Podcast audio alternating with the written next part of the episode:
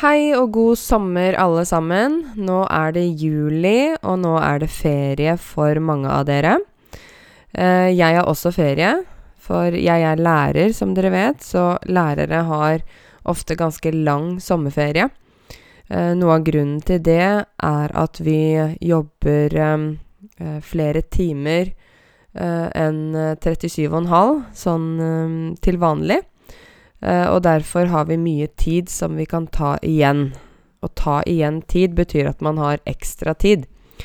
Så derfor har vi lang sommerferie og flere andre ferier. Det er noe av godene ved å være lærer.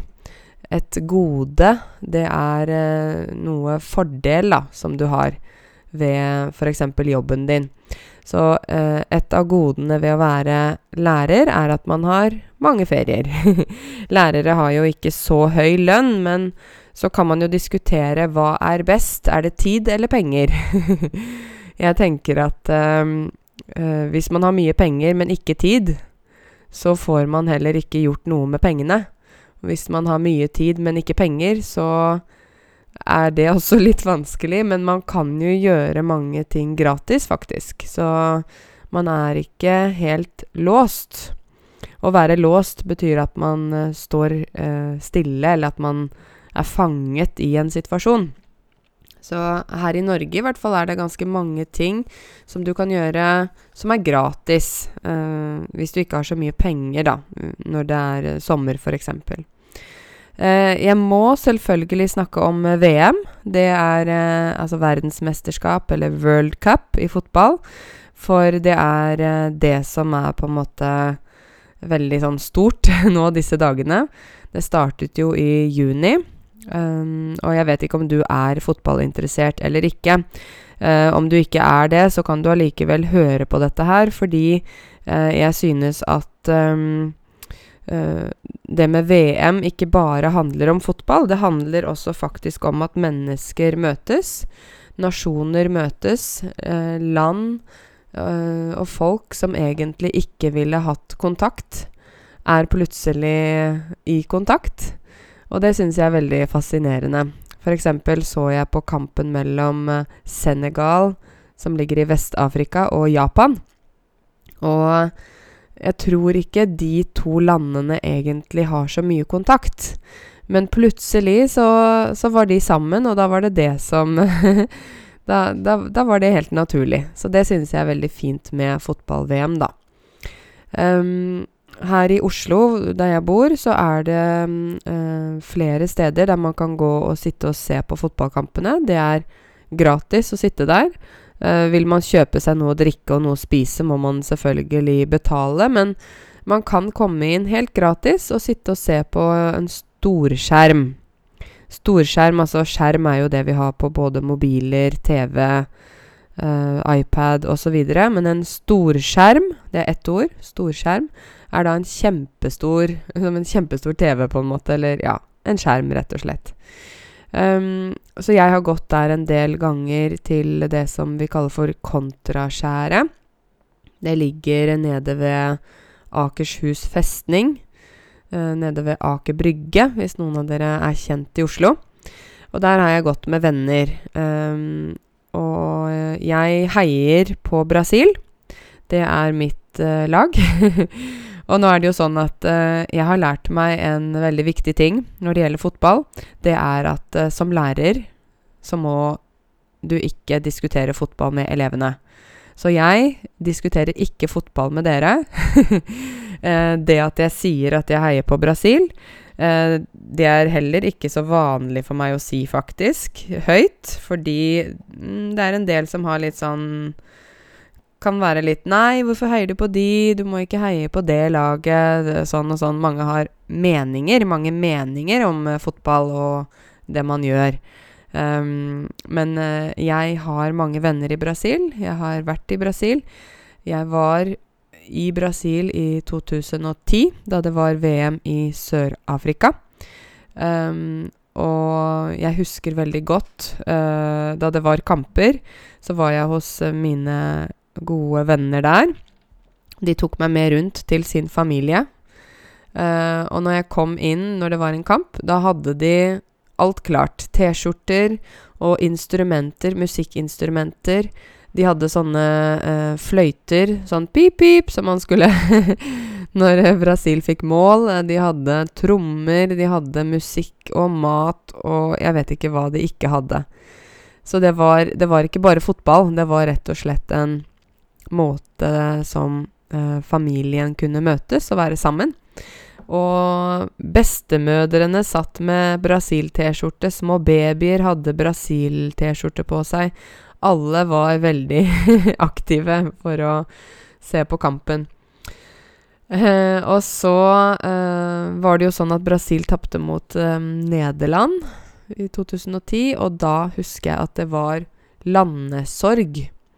Landesorg Sorg er jo når man er veldig trist. Og landesorg, det er ett ord det er når et land er i sorg.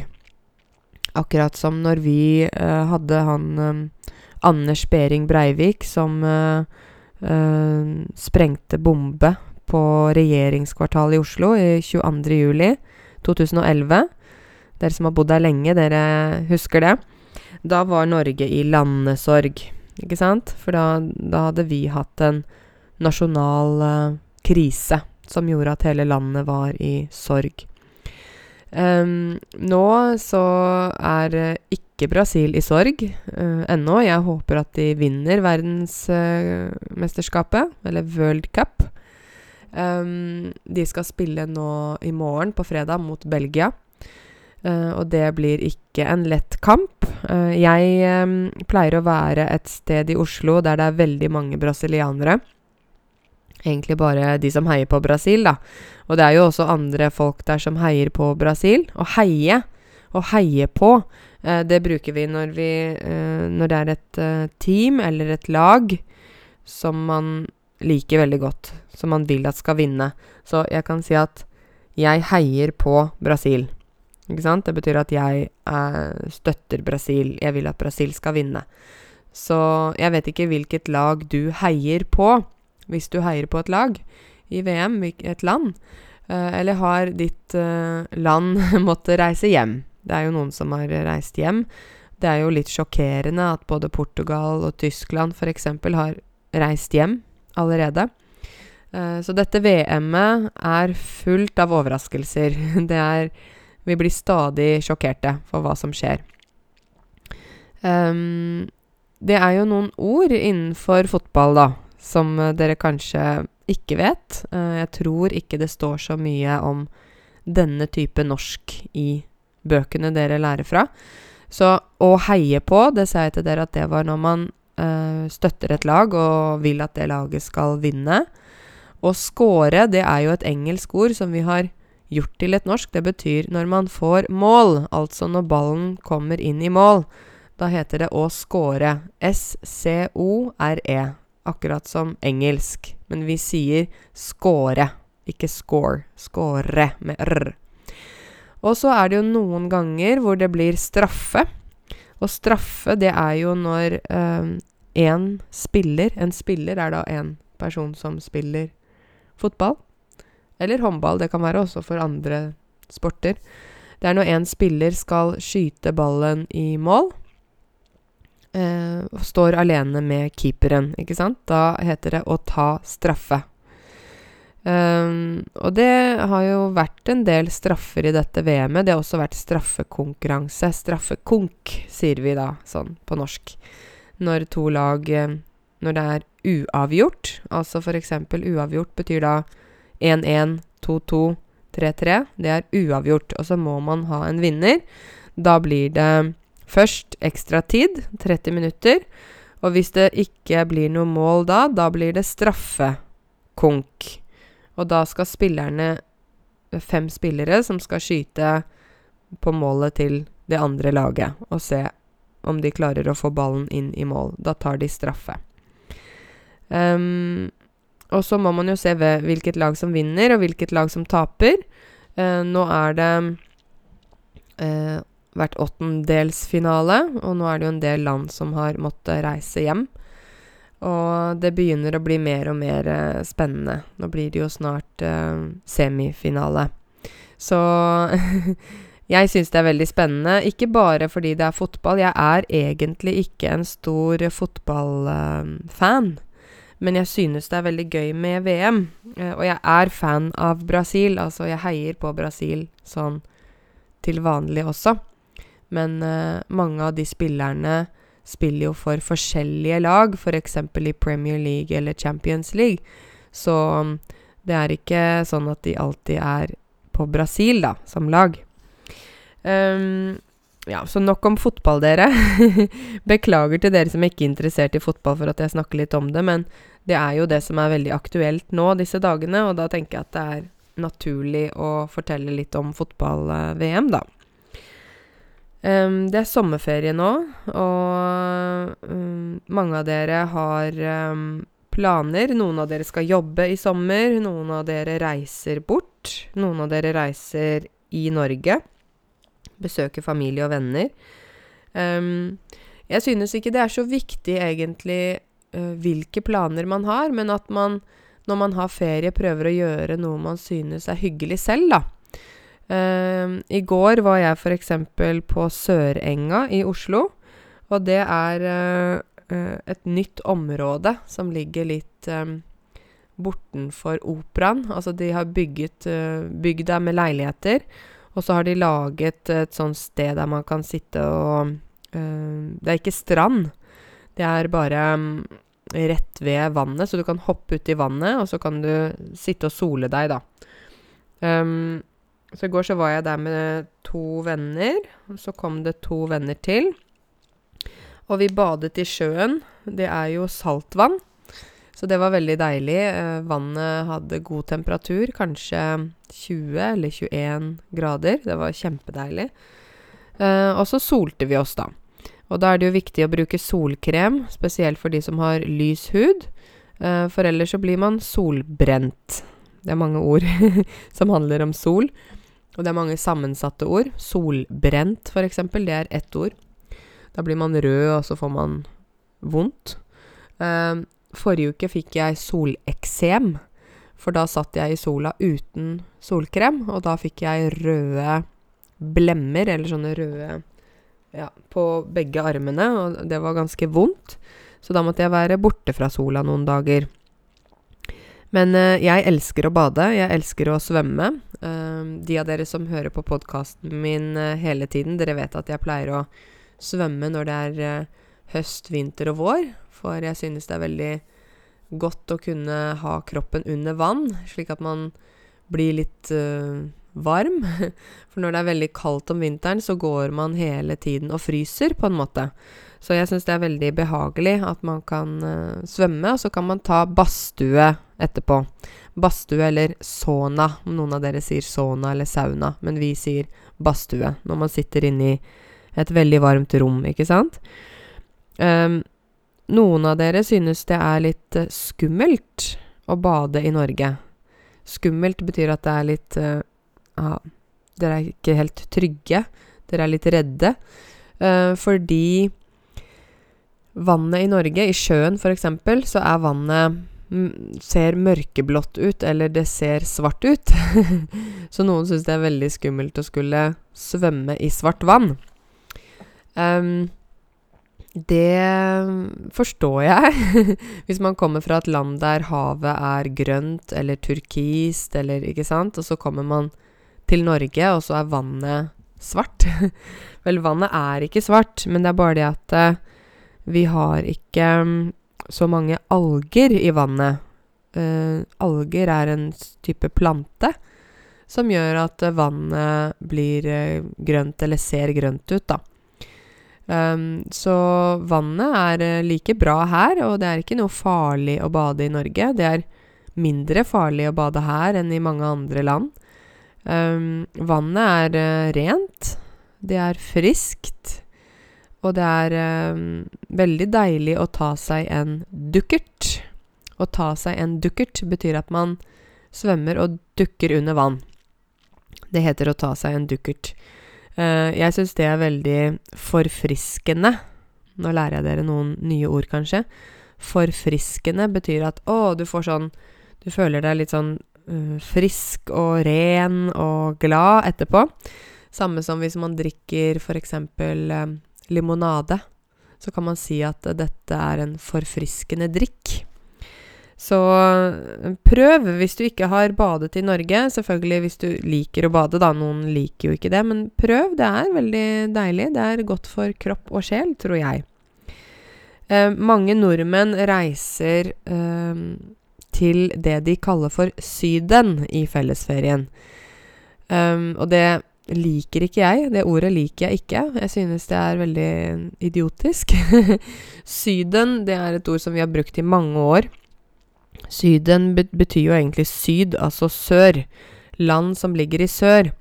Så når vi snakker om 'jeg skal reise til Syden', da betyr det enten Ja, det kan være Spania, Portugal, Hellas, um, Tyrkia mm, Hvilke andre land har vi da?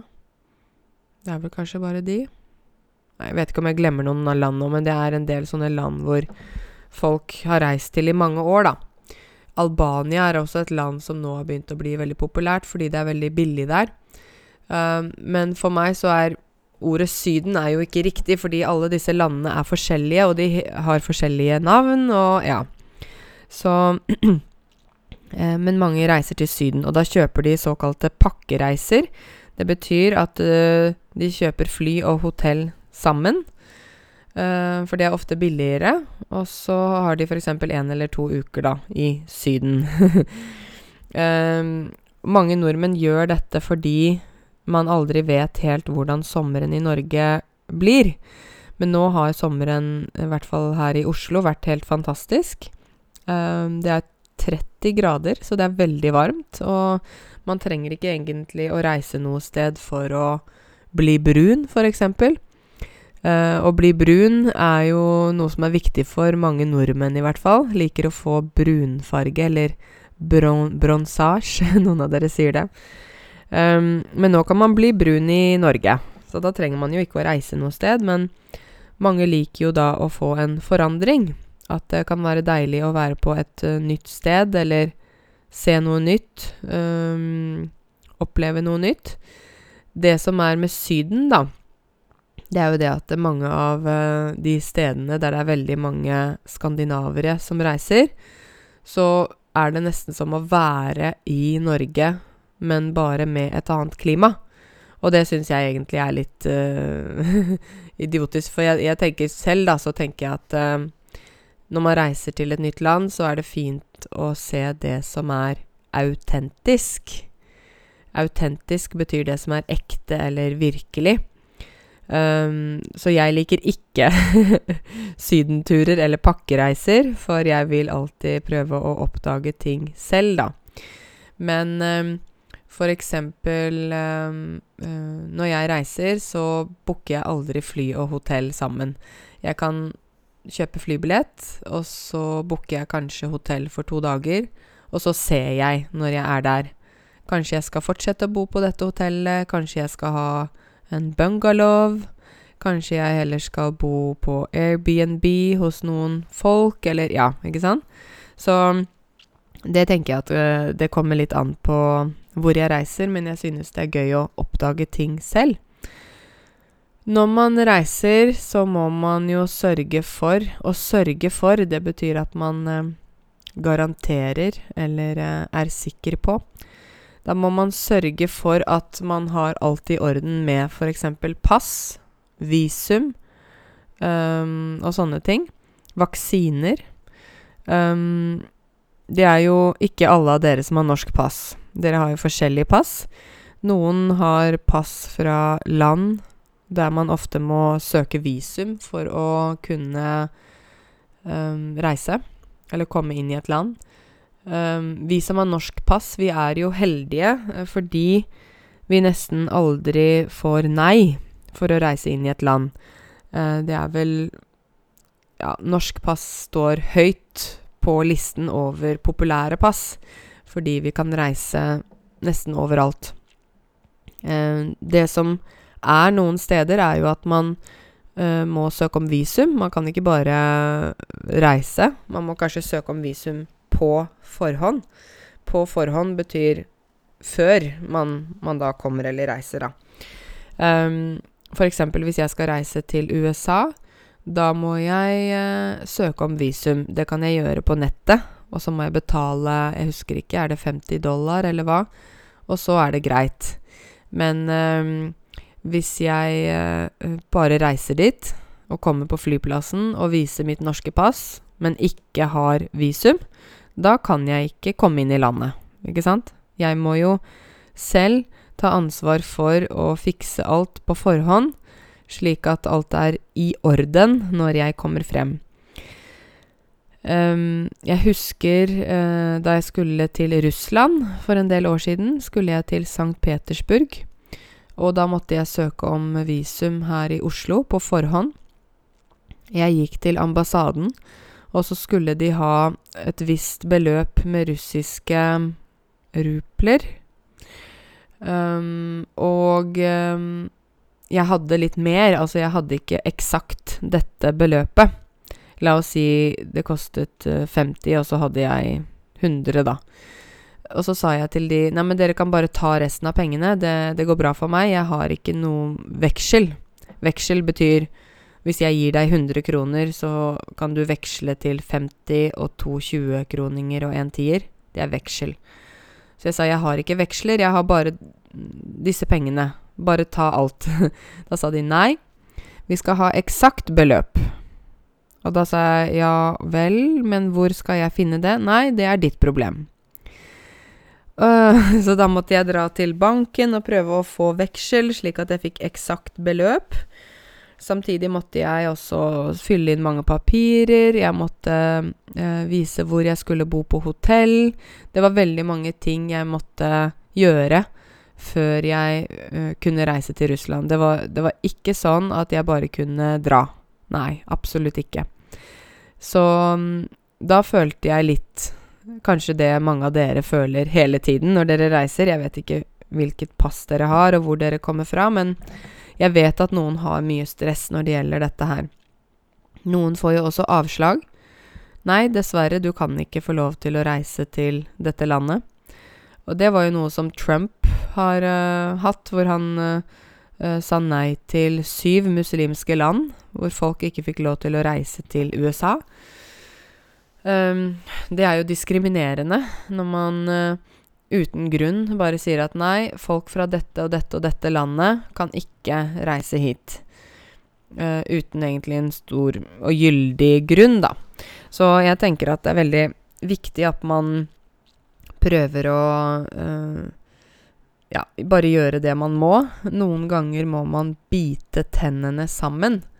Å bite tennene sammen er et uttrykk som betyr at man må bare Ok, ja vel, jeg liker ikke dette her, eh, men jeg må bare gjøre det. Og noen ting i livet må vi bare gjøre. Sånn som for eksempel når jeg har tatt vaksiner. Eh, da jeg bodde i Afrika, måtte jeg jo ta mange vaksiner før jeg flyttet dit. Og jeg hater å ta vaksiner. Jeg hater å ta sprøyter. Ja. Og da måtte jeg bite tennene sammen og bare gjøre det, fordi det var ikke noe valg. Jeg kunne ikke si at nei, jeg vil ikke det. Det var bare sånn det var. Så hvis man har visum, og hvis man har alt i orden, så kan man jo reise og kose seg. Um, det er jo sånn at man må gjøre forskjellige ting og, i forkant. Og jeg vet jo også at de som f.eks. søker om at familien skal komme til Norge. Altså at man søker turistvisum for familie, ikke sant, for at de skal komme på besøk, så er ikke det, er ikke det alltid sånn at man får ja. Av og til får man faktisk eh, Svaret er da nei, ikke sant? og det har jeg hørt at mange har blitt skuffet. Å bli skuffet, da er du sånn Åh, uff a meg. Nei. Åh, så dumt, ikke sant? Man blir litt trist og litt lei seg og litt oppgitt. Um, fordi det er veldig hyggelig når familien kan komme hit for å se. Uh, se Norge, se hvor du bor, se hvordan du lever. Um, og dette gjelder jo spesielt folk som kommer fra land utenfor Schengen-området. Det er da det begynner å bli litt vanskelig. Uh, hvis du skal søke om uh, visum, turistvisum for familie f.eks., så må du jo vise politiet Du må komme med en stor bunke med papirer. Du må vise politiet at du har jobb. Du må vise kontoutskrift, hvor man kan se at det kommer lønn inn på kontoen din. Du må også eh, komme med de siste tre lønnsslippene. Altså sånn sant, når du sånn Når du får lønn på konto, så får du også papir fra jobben som viser at du har fått lønn inn på kontoen. Um, så ja, ikke sant? Og det, det er jo noe som um, er veldig Ja Uh, litt sånn ydmykende, eller litt sånn Man føler seg litt sånn at man ikke At uh, Norge ikke stoler på en. Um, jeg husker jeg hadde en venninne en gang fra Libanon som skulle komme til Norge. Og da måtte jeg gå til politiet og vise masse papirer og masse greier. Og jeg var litt irritert fordi jeg tenkte ja, men min venninne er jo bare snill, hun skal bare besøke meg, det er ikke noe farlig, hun skal ikke prøve å bli i Norge, hun skal reise hjem etterpå, hun skal være her i to uker, hva er problemet?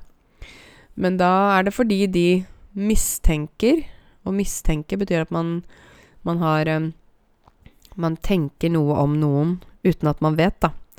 Så de mistenker at hun kanskje bare prøver å få opphold i Norge, og bare bli værende i Norge og ikke reise tilbake til eh, Libanon. Uh, og da vil de gjerne ha en person som er en garantist. Å være en garantist betyr at man gir en garanti for at dersom dette mennesket, denne personen, ikke reiser ut av Norge innen den tiden man har sagt, så er det mitt ansvar. Da er det mitt økonomiske ansvar, og jeg kan også bli straffet for det. Det betyr at eh, jeg kan f.eks. havne i fengsel. Eller jeg kan få stor bot, eller et eller annet. Uh, og det er dessverre fordi det er mange som har gjort dette før, og misbrukt sjansen, misbrukt muligheten. Og da um, blir man straffet, da. Da er det det som skjer. At man, man får en straff, man får en, uh, en slags øh, de som da søker om visum etterpå, sånn som jeg f.eks., som hadde bare en venninne som skulle besøke meg, da får jeg det vanskelig fordi andre personer, andre mennesker, før har misbrukt den muligheten de fikk, ikke sant? At de ikke har reist ut innen riktig tid. Um, kanskje noen av dere lurer på hva jeg skal i sommer. jeg har jo ikke lagd så mange videoer på YouTube nå. Jeg har tatt litt pause fordi jeg trenger litt pause, jeg også. Um, og så vet jeg at mange av dere er på reisefot. Å være på reisefot betyr at man er på reise. Man ikke er hjemme. mange av dere er på reisefot, og da tenker jeg at mange av dere også tar kanskje litt pause fra norsken. Um, det er helt ok å ta litt pause fra å lære norsk, men jeg tenker det er allikevel viktig at dere ikke tar helt pause. Dere må ikke stoppe å lære norsk eller bare sant, glemme uh, at dere er i en prosess. Fordi hvis man tar f.eks. to måneder fri da, fra norsk, ikke sant, og ikke snakker norsk og ikke har kontakt med, med norsk språk, da er det jo en risiko for at man glemmer mye, og at man går tilbake i utvikling, ikke sant? Jeg vet ikke hva dere gjør for å lære norsk om sommeren. Må jeg drikke litt kaffe mellom, mellom uh, slagene her. Um, jeg tenker det kan være fint å prøve å se på noen programmer på NRK. Jeg har jo laget en video på YouTube. Da kan du egentlig bare skrive 'programmer for å lære norsk'. Og da kommer det opp en video der jeg snakker om forskjellige programmer, filmer, serier som jeg mener er bra for å lære seg norsk. Uh, og når du ser programmer og filmer og serier, så er jo det avslappende, egentlig. Du trenger ikke å sitte og studere og tenke så mye. Du kan se på det bare for å bli eksponert for språket. Bare for å høre, se teksten øh, osv. Så, så det kan være en, en litt enkel måte å være i kontakt med språket på.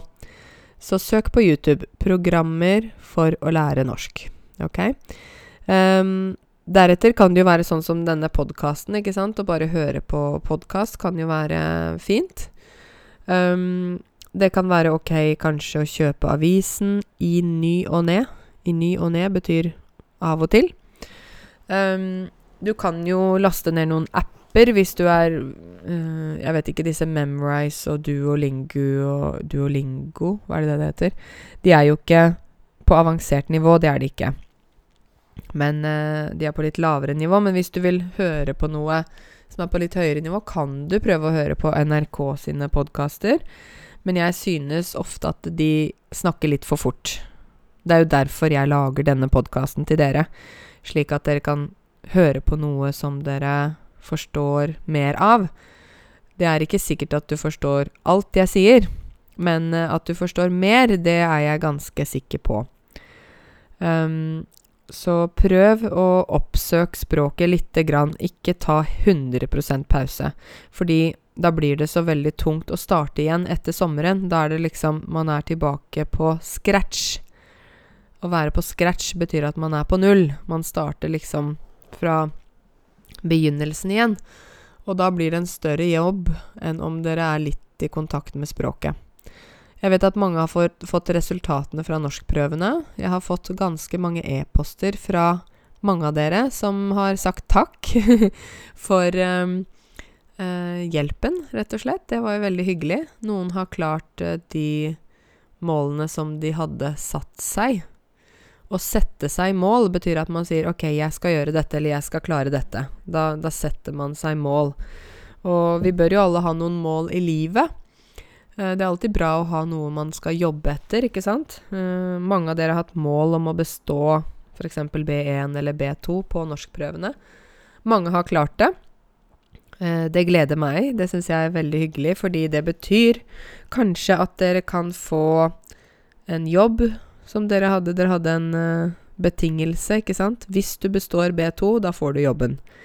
Mange av dere kan søke dere inn på høyere utdanning. Um, og generelt er det jo veldig bra å ha et bevis på hvilket nivå du er på i norsk, slik at arbeidsgiveren kan forstå om du er flink eller ikke, eller hvordan det fungerer, da.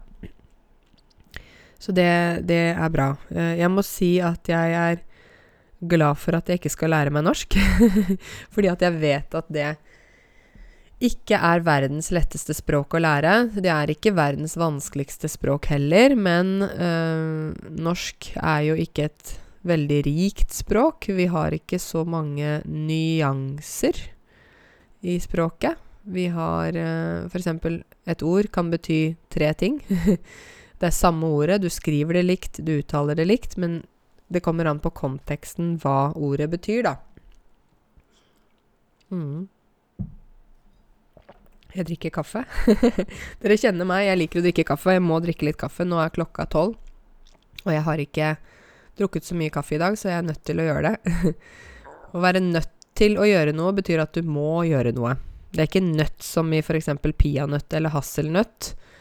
Det er NØDT nødt. Jeg er nødt til å drikke kaffe. Um, jeg har uh, litt forskjellige planer i sommer. Jeg har blitt invitert mange steder. Så jeg kan reise til flere land. Uh, jeg kommer til å være litt i Norge, litt i Oslo. For da er jeg jo sammen med Bahia, min hund. Dere vet at jeg har en hund som heter Bahia. Og det er veldig hyggelig også å ha litt tid sammen med henne. Um, jeg skal etter fotball-VM er ferdig, skal jeg reise til England og besøke noen veldig gode venner der. Dersom Brasil taper i morgen, hvis Brasil taper mot Belgia, så betyr det at uh, Brasil ikke går videre. Og da reiser jeg tidligere til England. Men jeg håper jo selvfølgelig at Brasil vinner, og at uh, kanskje Brasil kan vinne hele VM. Uh, eh, men vi får se.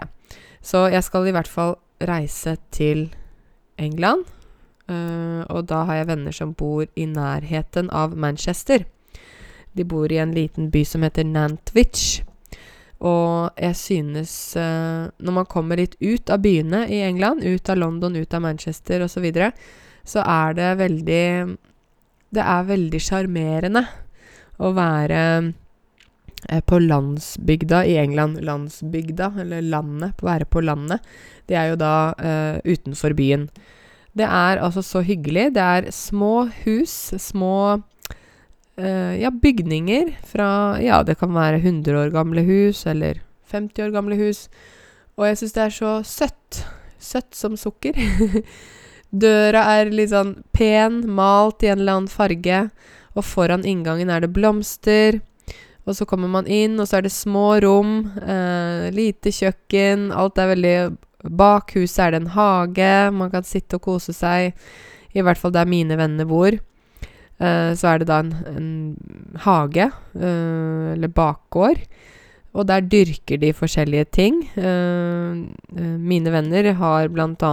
dyrket Og dyrke betyr at man putter et frø i jorda, et lite frø, ned i jorda. Putter på vann. Og hver dag vanner og vanner og vanner, og så kommer det opp en blomst, eller det kommer opp en plante. Mine venner dyrker forskjellige grønnsaker og frukt, og noen urter. Så Eh, de har tomater i hagen, så de, de, trenger ikke å gå på butikken for å kjøpe tomater. De har urter. Urter, hva betyr det? Vel, urter er det samme Det er planter som man bruker som krydder i mat. For eksempel basilikum, timian, rosmarin, koriander, dill, persille, gressløk Ja. Du kan også kjøpe dette på butikken, men det er jo veldig fint hvis du faktisk kan uh, dyrke det selv, og bare gå ut i hagen og ta lite grann når du skal lage noe mat. Så går du bare og henter litt koriander, f.eks., fra hagen, og så putter du det i maten. Det er jo det beste. Og så vet jeg at vennene mine også har squash. Squash, det er noe som uh, på engelsk heter det zucchini. Uh, squash er den grønne. Det ligner på agurk, men det er ikke agurk. Um, og så har de gresskar. Gresskar er jo det man bruker på halloween, ikke sant? Det er store oransje. men, eh, men, den er ikke klar ennå. Det tar litt tid før den er moden. Uh, moden uh, sier vi når f.eks. et eple er modent. Et eple, modent eple. Da kan du spise det.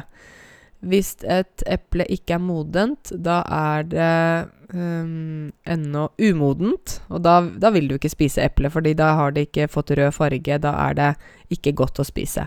Så gresskaret deres er ikke modent ennå. De kan ikke høste gresskaret.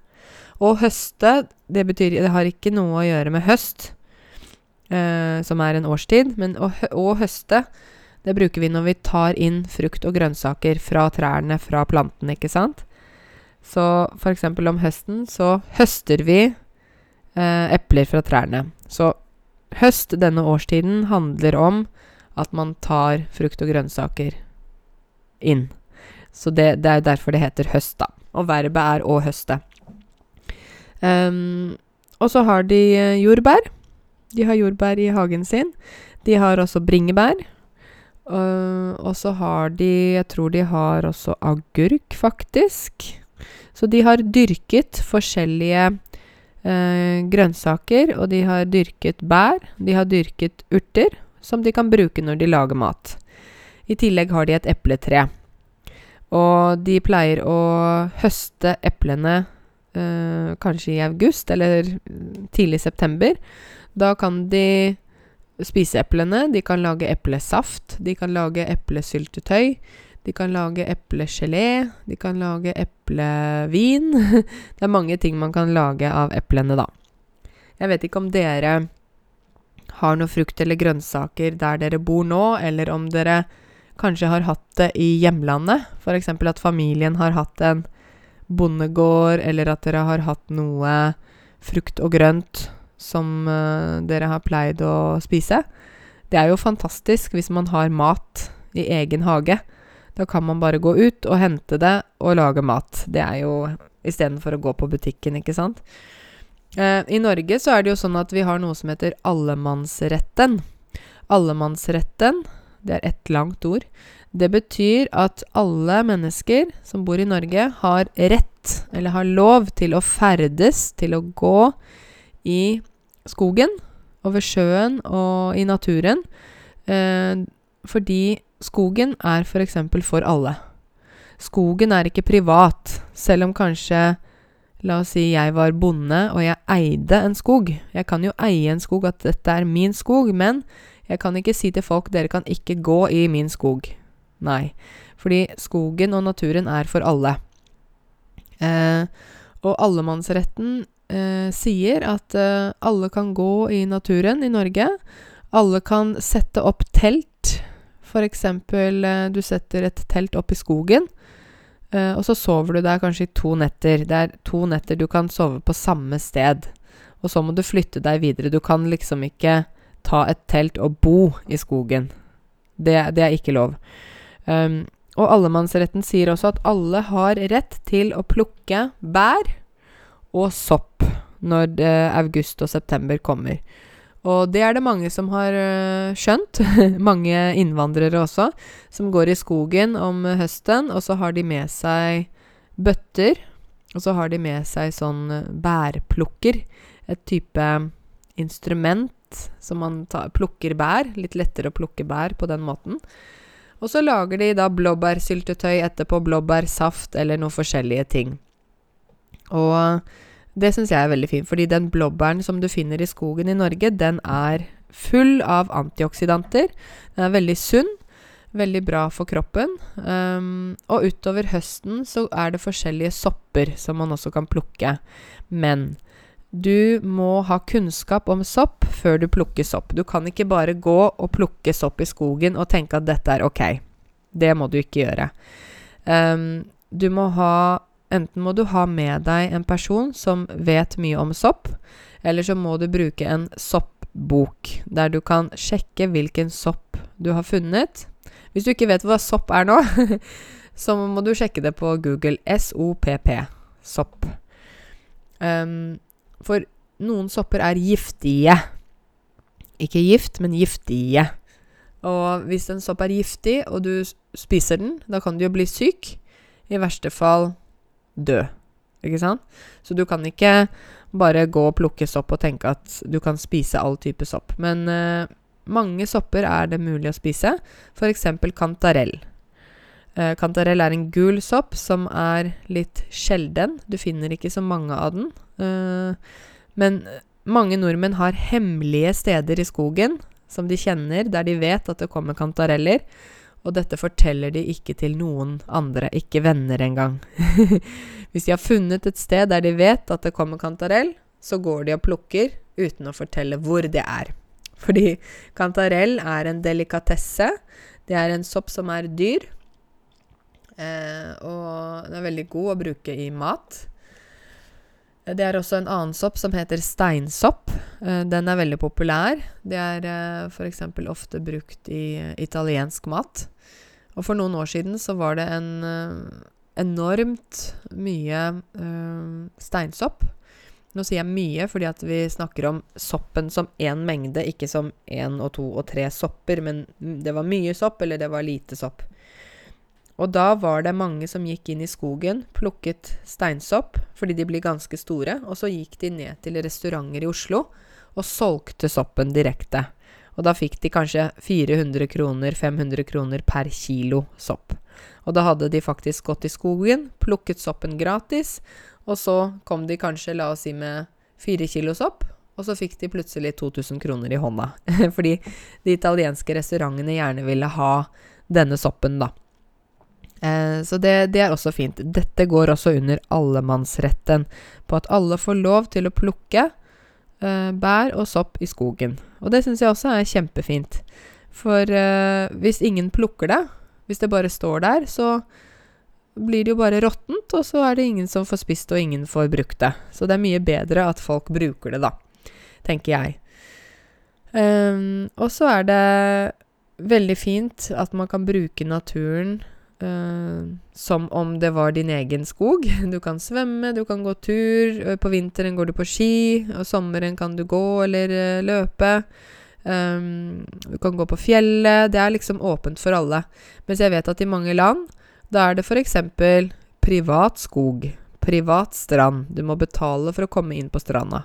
Det gjør vi ikke i Norge. I Norge så er det åpent for alle, og det syns jeg er veldig fint. Fordi det gjør at folk ønsker å være mer ute også. Det er jo sunt for kropp og sunt for sjel å være ute, ikke sant?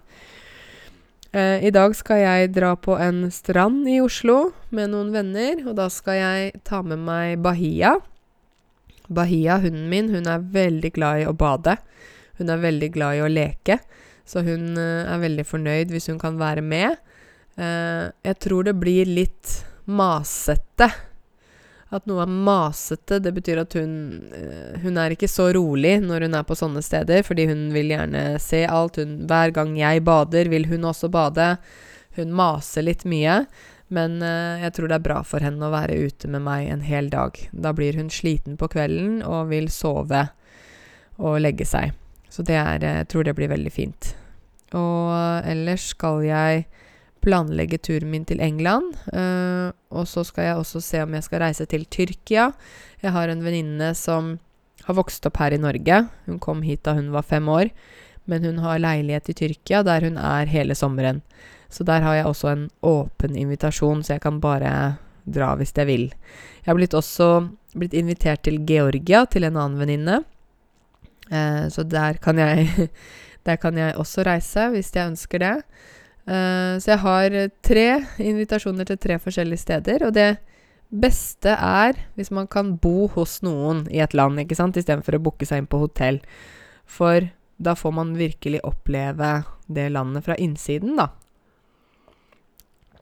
Tenker jeg. Det er liksom Ja, bedre å oppleve kulturen med noen som kommer derfra, eller kjenner landet godt. Eh, så jeg vet ikke hva dere skal i sommer.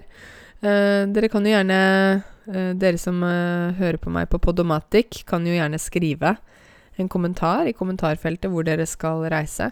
Dere som hører på meg på iPhone, jeg tror ikke dere får eh, skrevet noe, egentlig, men dere kan jo kanskje sende meg en e-post og fortelle om sommeren deres. Uh, hvis dere vil sende meg en e-post, så er min e-postadresse karense alfakrøll norwegianteaching.com. Du finner også e-posten min på YouTube-kanalen min, da kan du også finne den, eller på min webside www.note.no.